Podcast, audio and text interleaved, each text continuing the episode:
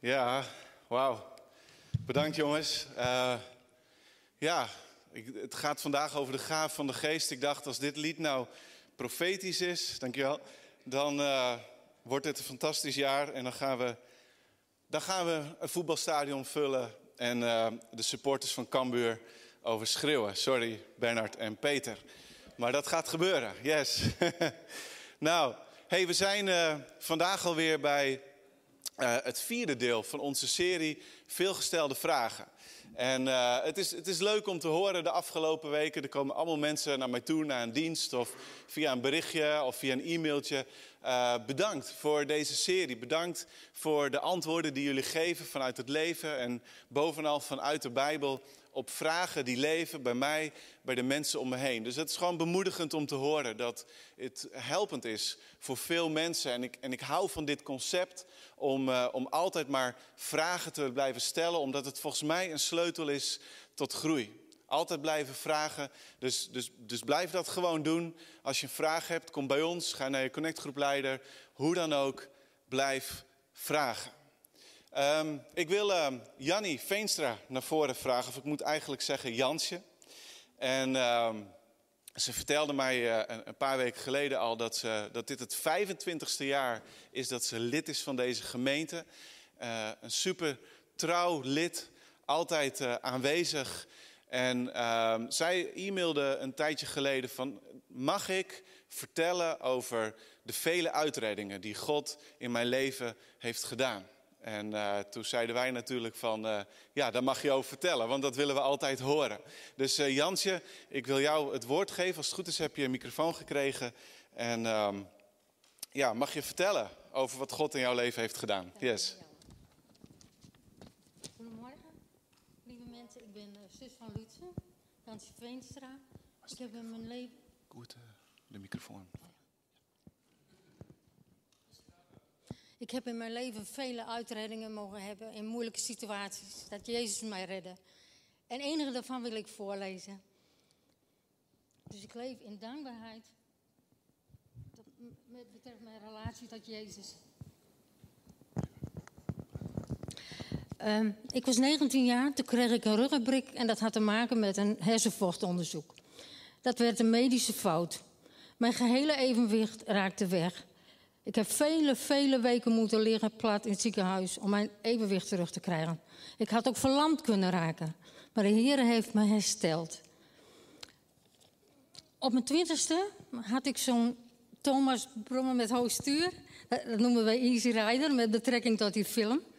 En ik was op het Zuiderplein in het drukke verkeer. En ik raakte uh, verstrikt in een loszittende veter. Die raakte vast in de trapperas van die brommer. En het was in het drukke verkeer. En een grote vrachtwagen langs mij. En ik kraste langs die vrachtwagen en ik dreigde eronder te komen. Ik riep, Jezus red mij, Jezus help mij. Even later reed ik weer rustig in het verkeer. En ik ben gered. Gered van de dood. In december 2007 kwam ik op het Sixmaplein onder de auto met de fiets en de boodschappen.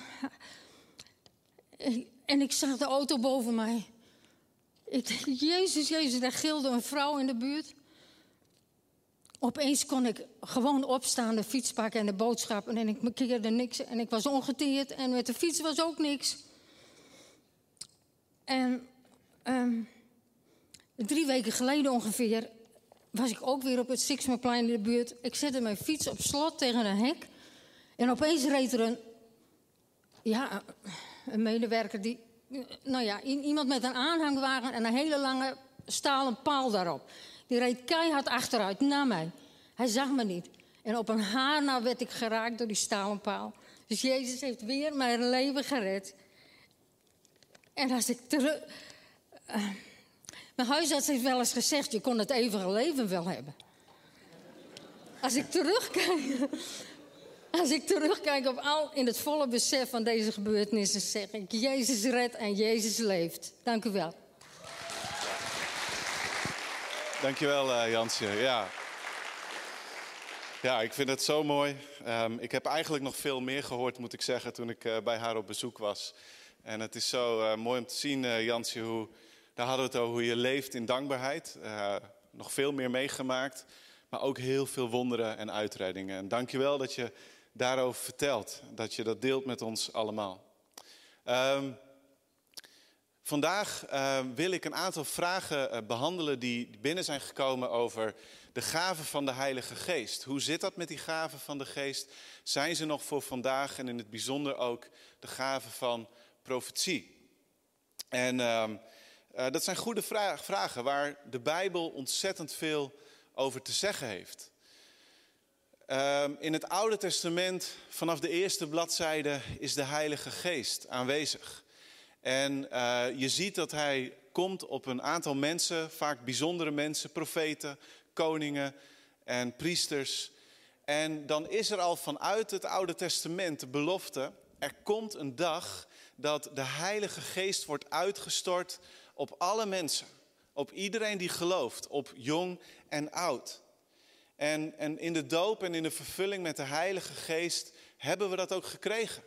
En krijgen we een volheid van de geest over ons en hebben we in Hem eigenlijk een voorschot op de heerlijke toekomst die er nog is en die we krijgen dankzij en door Jezus Christus.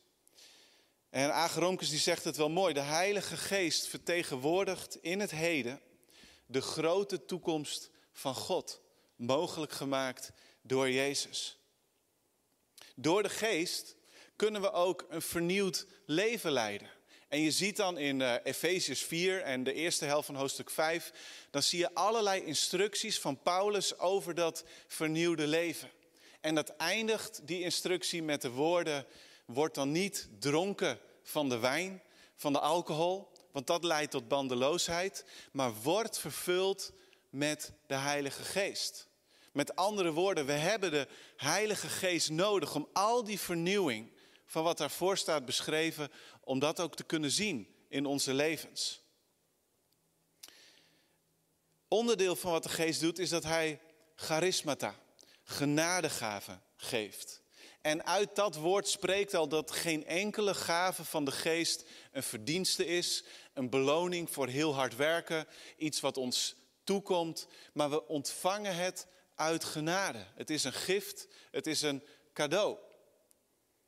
En Paulus die schrijft daar veel over, het Nieuwe Testament schrijft er veel over, maar zeker in die, ja, als je een beetje een tijdje in de kerk komt, dan zijn het bekende hoofdstukken, 12 tot en met 14 in de eerste brief van de Corinthiërs.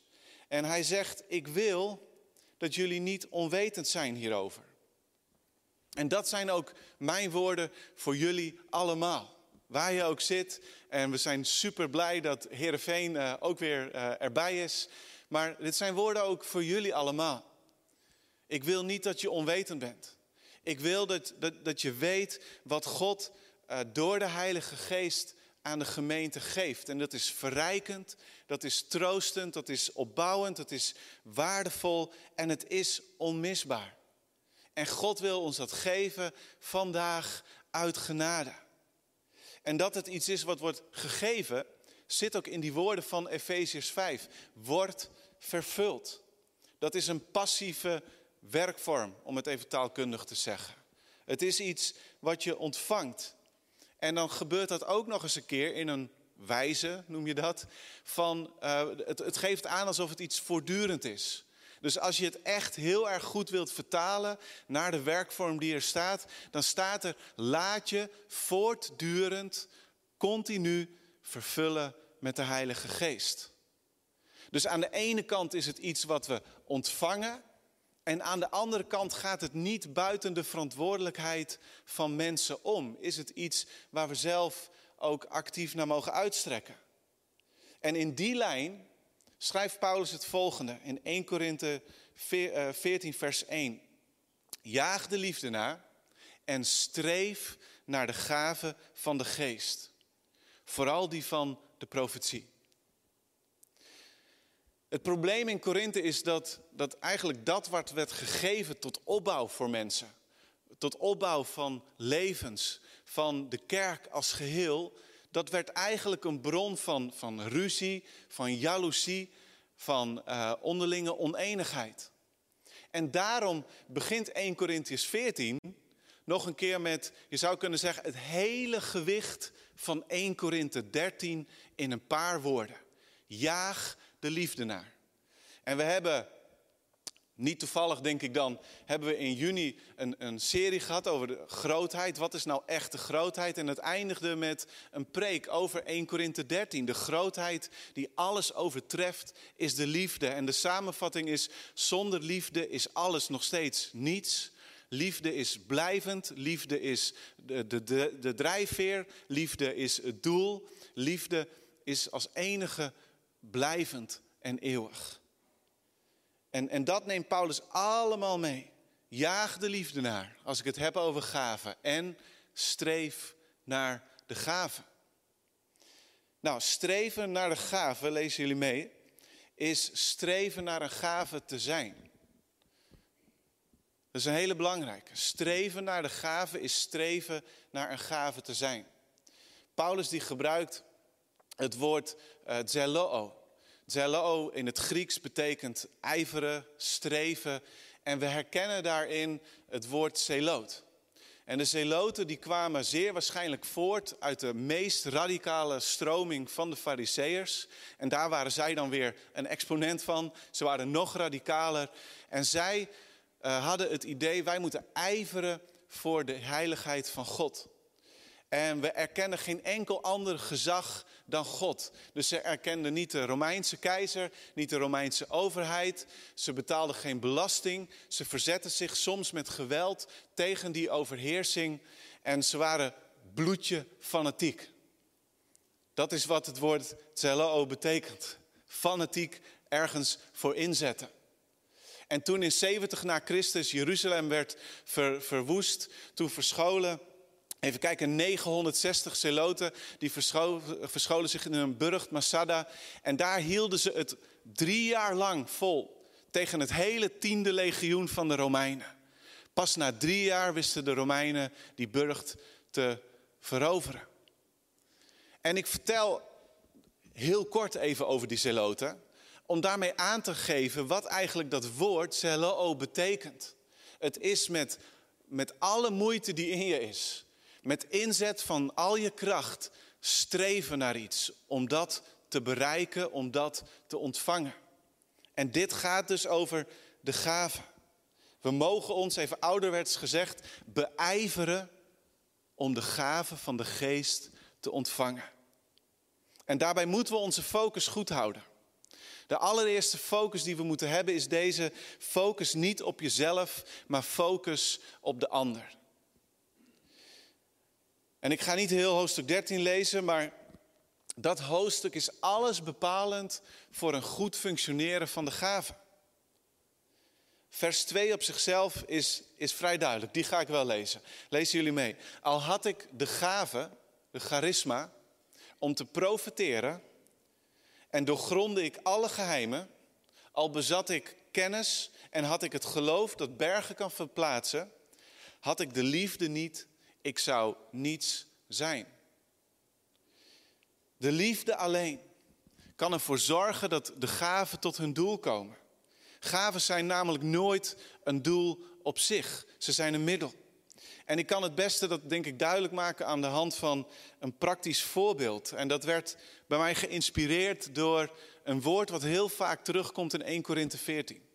En zeven keer gebruikt Paulus de Griekse woordstam voor opbouw, opbouwen, tot opbouw.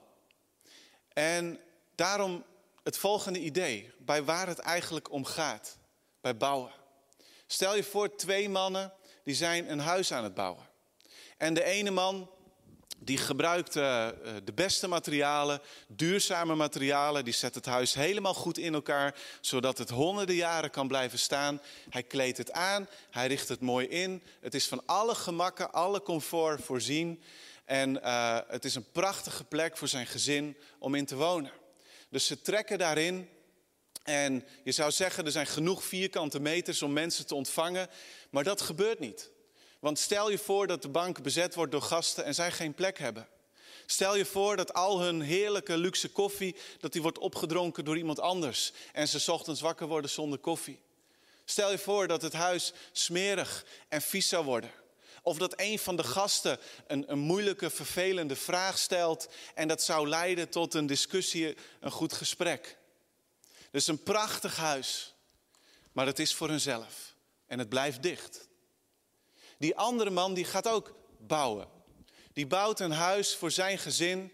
Het is, het is iets simpeler, het is praktisch, het is functioneel, het is een, een, een mooi veel ruimte. En als het huis klaar is, trekt hij erin met zijn gezin. Maar het gaat daar heel anders. Zodra hij er woont, komen de eerste gasten aanwaaien. Bekende en onbekende. Soms gelijkgestemde, maar een andere keer zijn het mensen die hele andere ideeën hebben. En dan hoor je ze door de open ramen discussiëren, je, de, de argumenten vliegen naar buiten, maar het gebeurt altijd op een respectvolle toon. Er zijn mensen, eh, of je ziet dat er heel veel boodschappen worden gehaald. Er worden allerlei boodschappen naar binnen gedragen. Maar er lopen ook zo nu en dan mensen weg met een boodschappentasje. Er zijn altijd mensen die mee kunnen eten. Die bij de koffie uh, een, een gebakje of een goede koek krijgen, iets voedzaams. De gastheer en gastvrouw die kruipen nadat ze iedereen voorzien hebben van wat ze nodig hebben, zelf op het klapstoeltje wat nog over is. Maar iedereen heeft een goede plek. De eerste man heeft gebouwd en is volledig gefocust op zichzelf. De tweede man is gefocust op de ander. Beide hebben ze gebouwd. Maar alleen de tweede heeft gebouwd op de manier waarop God wil dat wij bouwen. En ook door het gebruiken van de gaven in 1 Korinthe 14. Dit is hoe ik wil dat jullie bouwen. Zegt Paulus, geïnspireerd door God tegen de kerk van Korinthe en tegen de kerk van vandaag. En ten tweede, focus niet op een emotionele, maar op een opbouwende ervaring. En dit moet ik even heel goed uitleggen, want dit kan je helemaal verkeerd begrijpen. Er is helemaal niets mis met een emotionele ervaring als je ziet dat God werkt, dat Hij aanwezig is, als je geniet van Zijn liefde en aanvaarding, als je Zijn troost en betrokkenheid bij je leven merkt, als je, als je Zijn grootheid en tegelijkertijd Zijn nabijheid ziet, dan dat is helemaal goed. Alleen, ik ben zelf onderdeel geweest van bijeenkomsten. En soms heb ik daar zelf ook wel naar gestreefd bij het voorbereiden van bijeenkomsten of in mijn eigen persoonlijke stille tijd met God. Dat het vooral een emotionele ervaring zou worden. Het leek alsof het dat het belangrijkste was wat we uit een samenkomen moesten halen. En laat het duidelijk zijn nogmaals, ik gun iedereen die ervaring. Daar is helemaal niets mis mee. Maar als we het vandaag hebben over het functioneren van de gaven, en in die context zeg ik het, dan is niet de emotionele ervaring het meest belangrijke. Het gaat om de focus, maar dan is de focus, is het opbouwend wat we doen. En Paulus die zegt, weet je, bij jullie was het allemaal heel emotioneel. En de, met name klanktaal was voor de Corinthiërs het bewijs dat, dat uh, God aanwezig was. En het was spectaculair. En daar kikten ze als het ware op. En Paulus die zegt, maar dat is nou net niet waar het om gaat bij de gaven. Hij zegt het zo, 1 Korinthe 14, vers 2 tot 5. Iemand die een klanktaal spreekt, spreekt niet tot mensen, maar alleen tot God. Niemand kan hem verstaan. Want door toedoen van de geest spreekt hij onbegrijpelijke taal.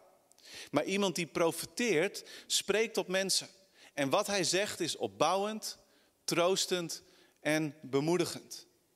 Iemand die een klanktaal spreekt, is daar alleen zelf bij gebaat. Hij wordt zelf opgebouwd. Iemand die profeteert, die doet dat ten bate van de gemeente. Ik zou willen, zegt Paulus, dat u alle in klanktaal spreekt. Maar ik wil nog liever dat u profeteert. Iemand die profeteert is nuttiger dan iemand die in klanktaal spreekt, tenzij degene die in klanktaal spreekt uitlegt wat hij zegt, zodat de gemeente er baat bij heeft. Nou, wat is klanktaal of tongentaal En wat is profetie? Ik, ik focus even op deze twee, omdat dat ook is waar Paulus op focust in 1 Korinthe 14. En daar lezen we vandaag het meest uit. Maar we leren uit het Nieuwe Testament dat het spreken in klanktalen allereerst een talenwonder is. Het betekent dat iemand die een taal helemaal niet geleerd heeft, ineens vloeiend die taal spreekt. En je ziet het op de Pinksterdag, je ziet het op andere momenten en je ziet dat tot op de dag van vandaag. Ik hoorde van iemand die zat in een bus in Londen en die had ineens enorm de aandrang om iets uit te spreken, geïnspireerd door de Heilige Geest. En hij had geen idee wat hij zei. Maar nadat hij was uitgesproken, stond er iemand op in de bus en die zei: Waar heb jij vloeiend Vietnamees geleerd? Ik heb nooit Vietnamees geleerd. Je hebt net mijn leven en het evangelie verteld in vloeiend Vietnamees. En zo gebeurt dat op allerlei plekken. Tot vandaag de dag. Het betekent ook, klanktaal, soms een geestelijke taal. Het is iets, Paulus die zegt, je verstand blijft onvruchtbaar. Je snapt het niet altijd zelf, maar er gebeurt wel iets in de geest. Wat ik al voorlas, je wordt zelf opgebouwd. Dat is ook het unieke van de gave. Daarom mogen we er allemaal naar streven. Het is de enige gave waar dat over wordt gezegd. Het bouwt jezelf op. Het is, het is um, alsof de geest je te hulp komt soms. Ook als je aan het bidden bent en je weet niet meer welke woorden. Dat hij je met onuitsprekelijke verzuchtingen, zegt Romeinen 8, te hulp komt. Uit 1 Korinthe 13, vers 1 uh, eh, zeggen veel uitleggers dat het wel een taal ook van engelen kan zijn. Een, een hemelse taal. Dat is tongentaal. Klanktaal. Nou, wat is profetie? Profetie is allereerst, als je kijkt, en dat begint al bijvoorbeeld bij Abraham, interessant genoeg, die ook een profeet wordt genoemd. Dat begint bij voorbeden. Een profeet die komt tussen beiden. Die pleit voor mensen, of in het geval van Abraham voor steden als Sodom en Gomorra. Heer, als er, als er 50 of 40 of op een gegeven moment 10 of nog minder rechtvaardigen zijn, wilt u dan die steden sparen?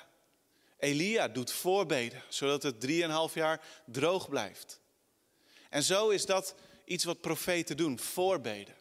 Het is ook, en dat is de meest voorkomende betekenis, mensen zeggen iets namens God. Of dat wil eigenlijk zeggen, God spreekt tot iemand en dan geeft een profeet dat door. En dat kan gaan over de toekomst. We zien het in het Oude Testament, we kennen het van de Oud-testamentische profeten. We zien het in het Nieuwe Testament. Agabus, die voorspelt een, een hongersnood. En dan zegt Lucas ook wat ook daadwerkelijk is gebeurd. Want dat is de toets van ware profetie. Gebeurt er ook wat er wordt gezegd? Wat we alleen niet moeten vergeten is dat profetie lang niet altijd over de toekomst gaat. Ik denk dat je wel kan stellen dat minimaal de helft van de profetieën in het Oude Testament gaan over het verleden en het heden. Dat ze ermee bezig zijn om inzicht te geven wat, uh, wat wil God doen door wat er vandaag de dag gebeurt. Hoe hebben wij gehandeld als volk en hoe reageert God daarop? Hoe lang heeft hij geduld gehad? Waarom gaat het dan nu toch mis? Waarom vallen koninkrijken en staan koninkrijken weer op? Profetie is heel vaak duiden wat is er gebeurd in het verleden en wat gebeurt er in het heden.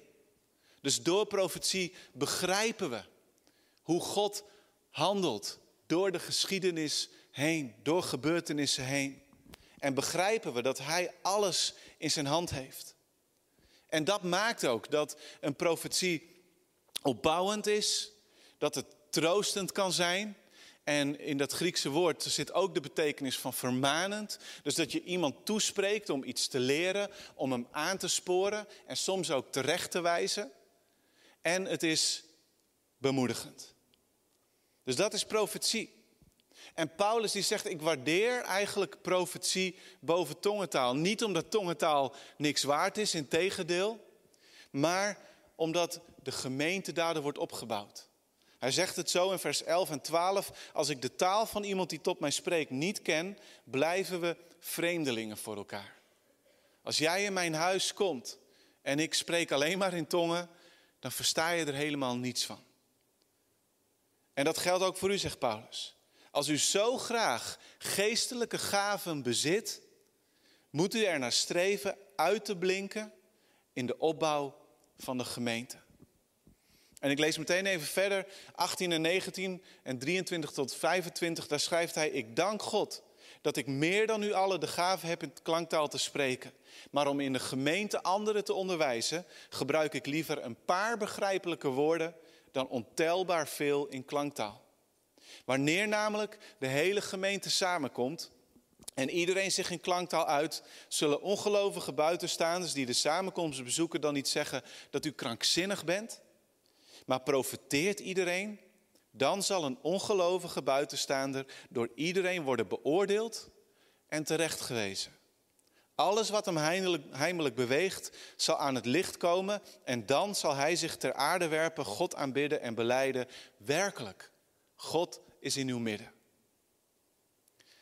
Als gemeente geloven we met volle overtuiging dat de gaven van de geest ook tot op de dag van vandaag er zijn. En, en ik zei het al, klanktaal heeft een unieke plek, omdat het onszelf kan opbouwen en bemoedigen. Maar je zult het niet massaal horen in onze diensten. Ja, soms wel. Soms hoor je misschien iemand achter je bidden of hoor je iemand lof zingen in de geest. Dat betekent in klanktaal en dat is mooi. Dat is prima. Maar we willen ook graag dat onze samenkomsten, zoals Paulus zegt, opbouwend zijn. En dat niet alleen maar voor de ingewijden, maar voor iedereen die komt. Of je nou nog niks weet, of een heel klein beetje, of alles. Het moet opbouwend zijn. En dat, we willen daarom niet vreemd zijn, zodat bezoekers komen en denken van hé, hey, bij die gasten daar zit een, een steekje los. Daarnaast streven we naar profetische prediking. Preken is niet de enige vorm van profeteren. En niet al onze preken zijn misschien profetisch. Het blijft ook mensenwerk. Maar jullie mogen er wel op vertrouwen dat we in heel veel gebed en in heel veel Bijbelstudie onze preken voorbereiden. Dat we willen uitleggen wat zegt de Bijbel, wat leren we ervan, wat zegt dit over ons verleden, wat zegt dit over ons heden, wat zegt dit over onze toekomst. We willen zeggen wat God wil dat we zeggen. En tot slot, we geloven dat God jou kan gebruiken om te profiteren. En daarom, als je iets opbouwends hebt, als je iets bemoedigends hebt, als je iets vermanends hebt, als je iets troostend hebt, kom bijvoorbeeld naar voren, naar de voorganger of pastor of de leider van dienst. Overleg even, is dit het moment om een woord van God te delen? Iedereen kan komen. Neem door de weeks contact met ons op als je iets hebt. Deel het op je connectgroep. Wat een hele mooie plek is om, om erin te oefenen. Om te zeggen, weet, God, wilt u door mij heen spreken? Wilt u mij een woord van wijsheid geven, een woord van kennis, een gave van geloof, een openbaring, een, een, een wijsheid om leiding mee te geven of wat het dan ook maar is. Maar wilt u door mij heen spreken? En vraag God om een wacht voor je lippen. Ik doe dat regelmatig. Zodat je niet overhaast spreekt. Zodat je niet zegt wat misschien vanuit jezelf komt. En tegelijkertijd, een wacht voor je lippen is niet een gesloten deur voor je lippen. Want dat is het laatste wat we willen. De geest uitdoven alsof hij niks kan zeggen. God wil door ons allemaal spreken.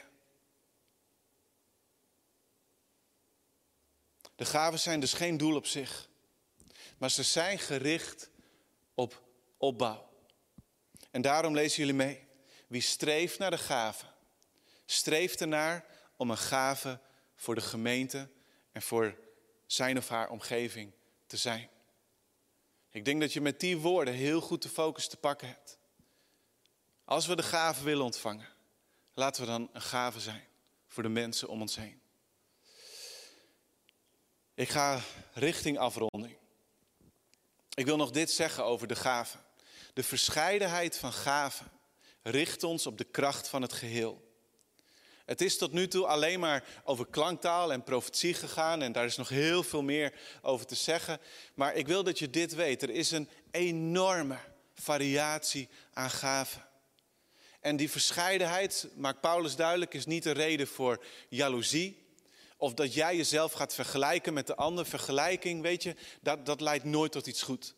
Of je denkt, ach, ach en wee, ik ben kleiner, ik ben minder, ik stel veel minder voor. Of je denkt, check diegene, ik ben beter, ik ben sterker, God gebruikt mij mooier.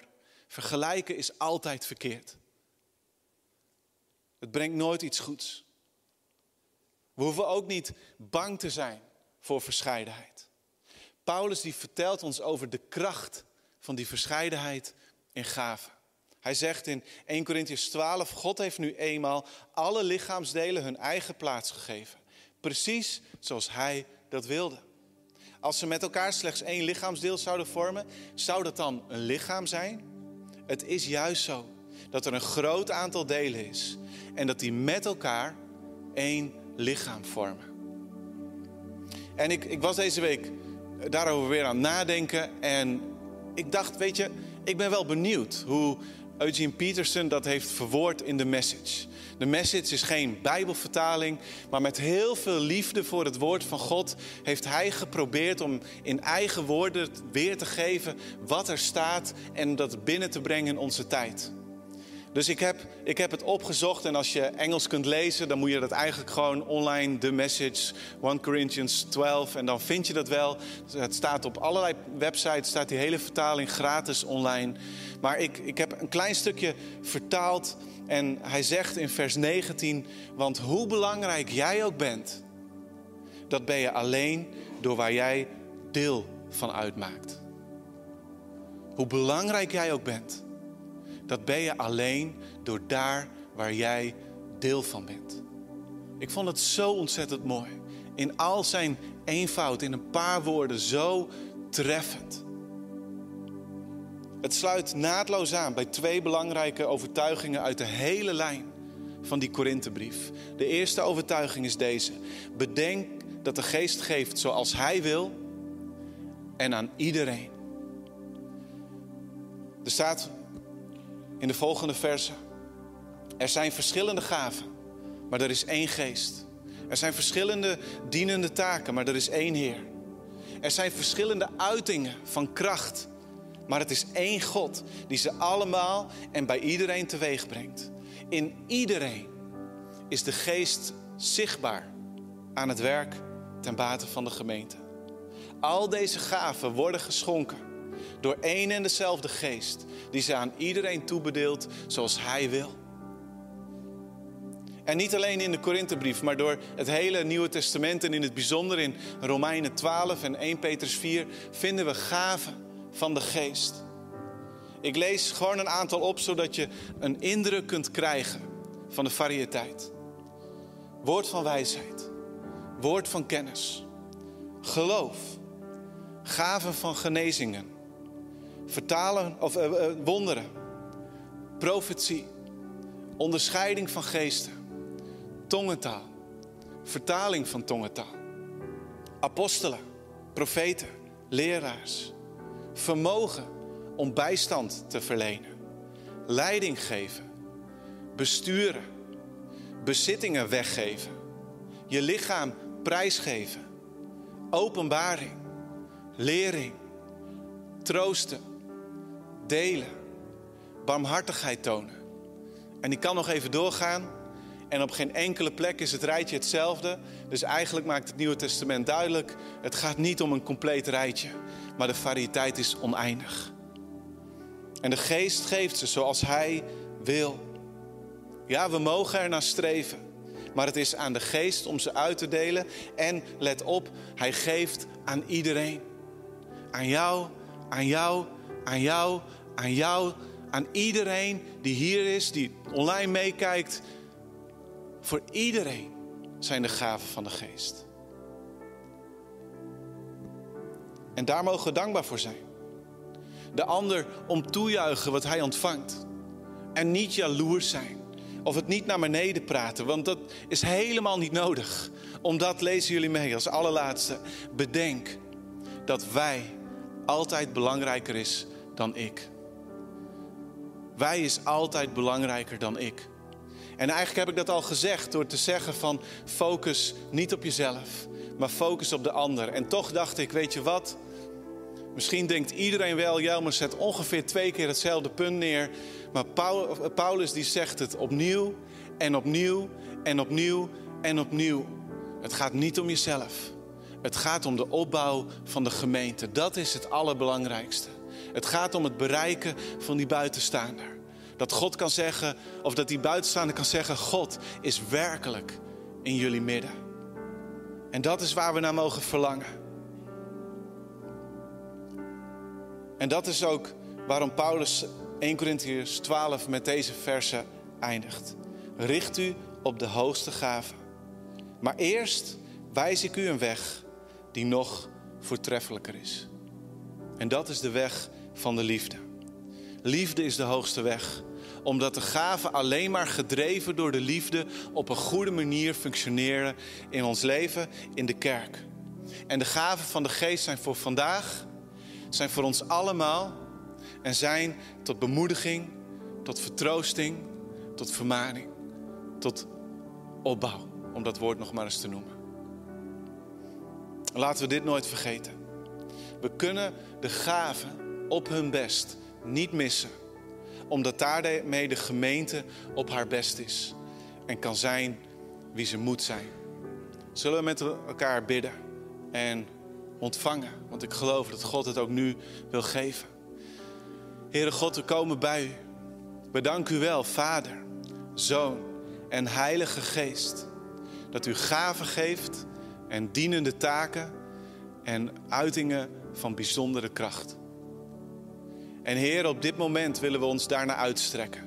Heer, niet voor onszelf. Niet voor een goede ervaring voor onszelf. Heer, maar om samen te bouwen op een manier die alleen maar kan door het ontvangen van de gaven. En Heer, we bidden dat als we, als we leiding mogen geven op school, op werk, in de kerk, Heer, dat we dat ook zullen doen. Met een gave van uw geest. Met een gave van onderscheiding van geesten. Heer, om leiding te geven, te besturen. Om te, om te onderscheiden wat goed en kwaad is. En wat het beste is wat u wilt. Heer, ik, ik bid dat als we dienen. Heer, in wat voor taak dan ook. En we het idee hebben, misschien stelt het niet zoveel voor. Dat we zullen beseffen, ieder onderdeel is belangrijk. En we mogen des te meer impact hebben. Als we het doen, vervuld door uw geest. En als het een gave van u kan worden op dat moment. Heere God, ik bid dat u alle hindernissen die er kunnen zijn, Heer. En in Korinthe zien we dat, dat er onwetendheid is over hoe moeten we dit goed gebruiken. Heer, ik bid dat u die onwetendheid nu als een deken wil wegschuiven. Heer, dat u misschien zelfs onze angst voor dat bijzondere, dat u dat zult wegnemen in de naam van Jezus.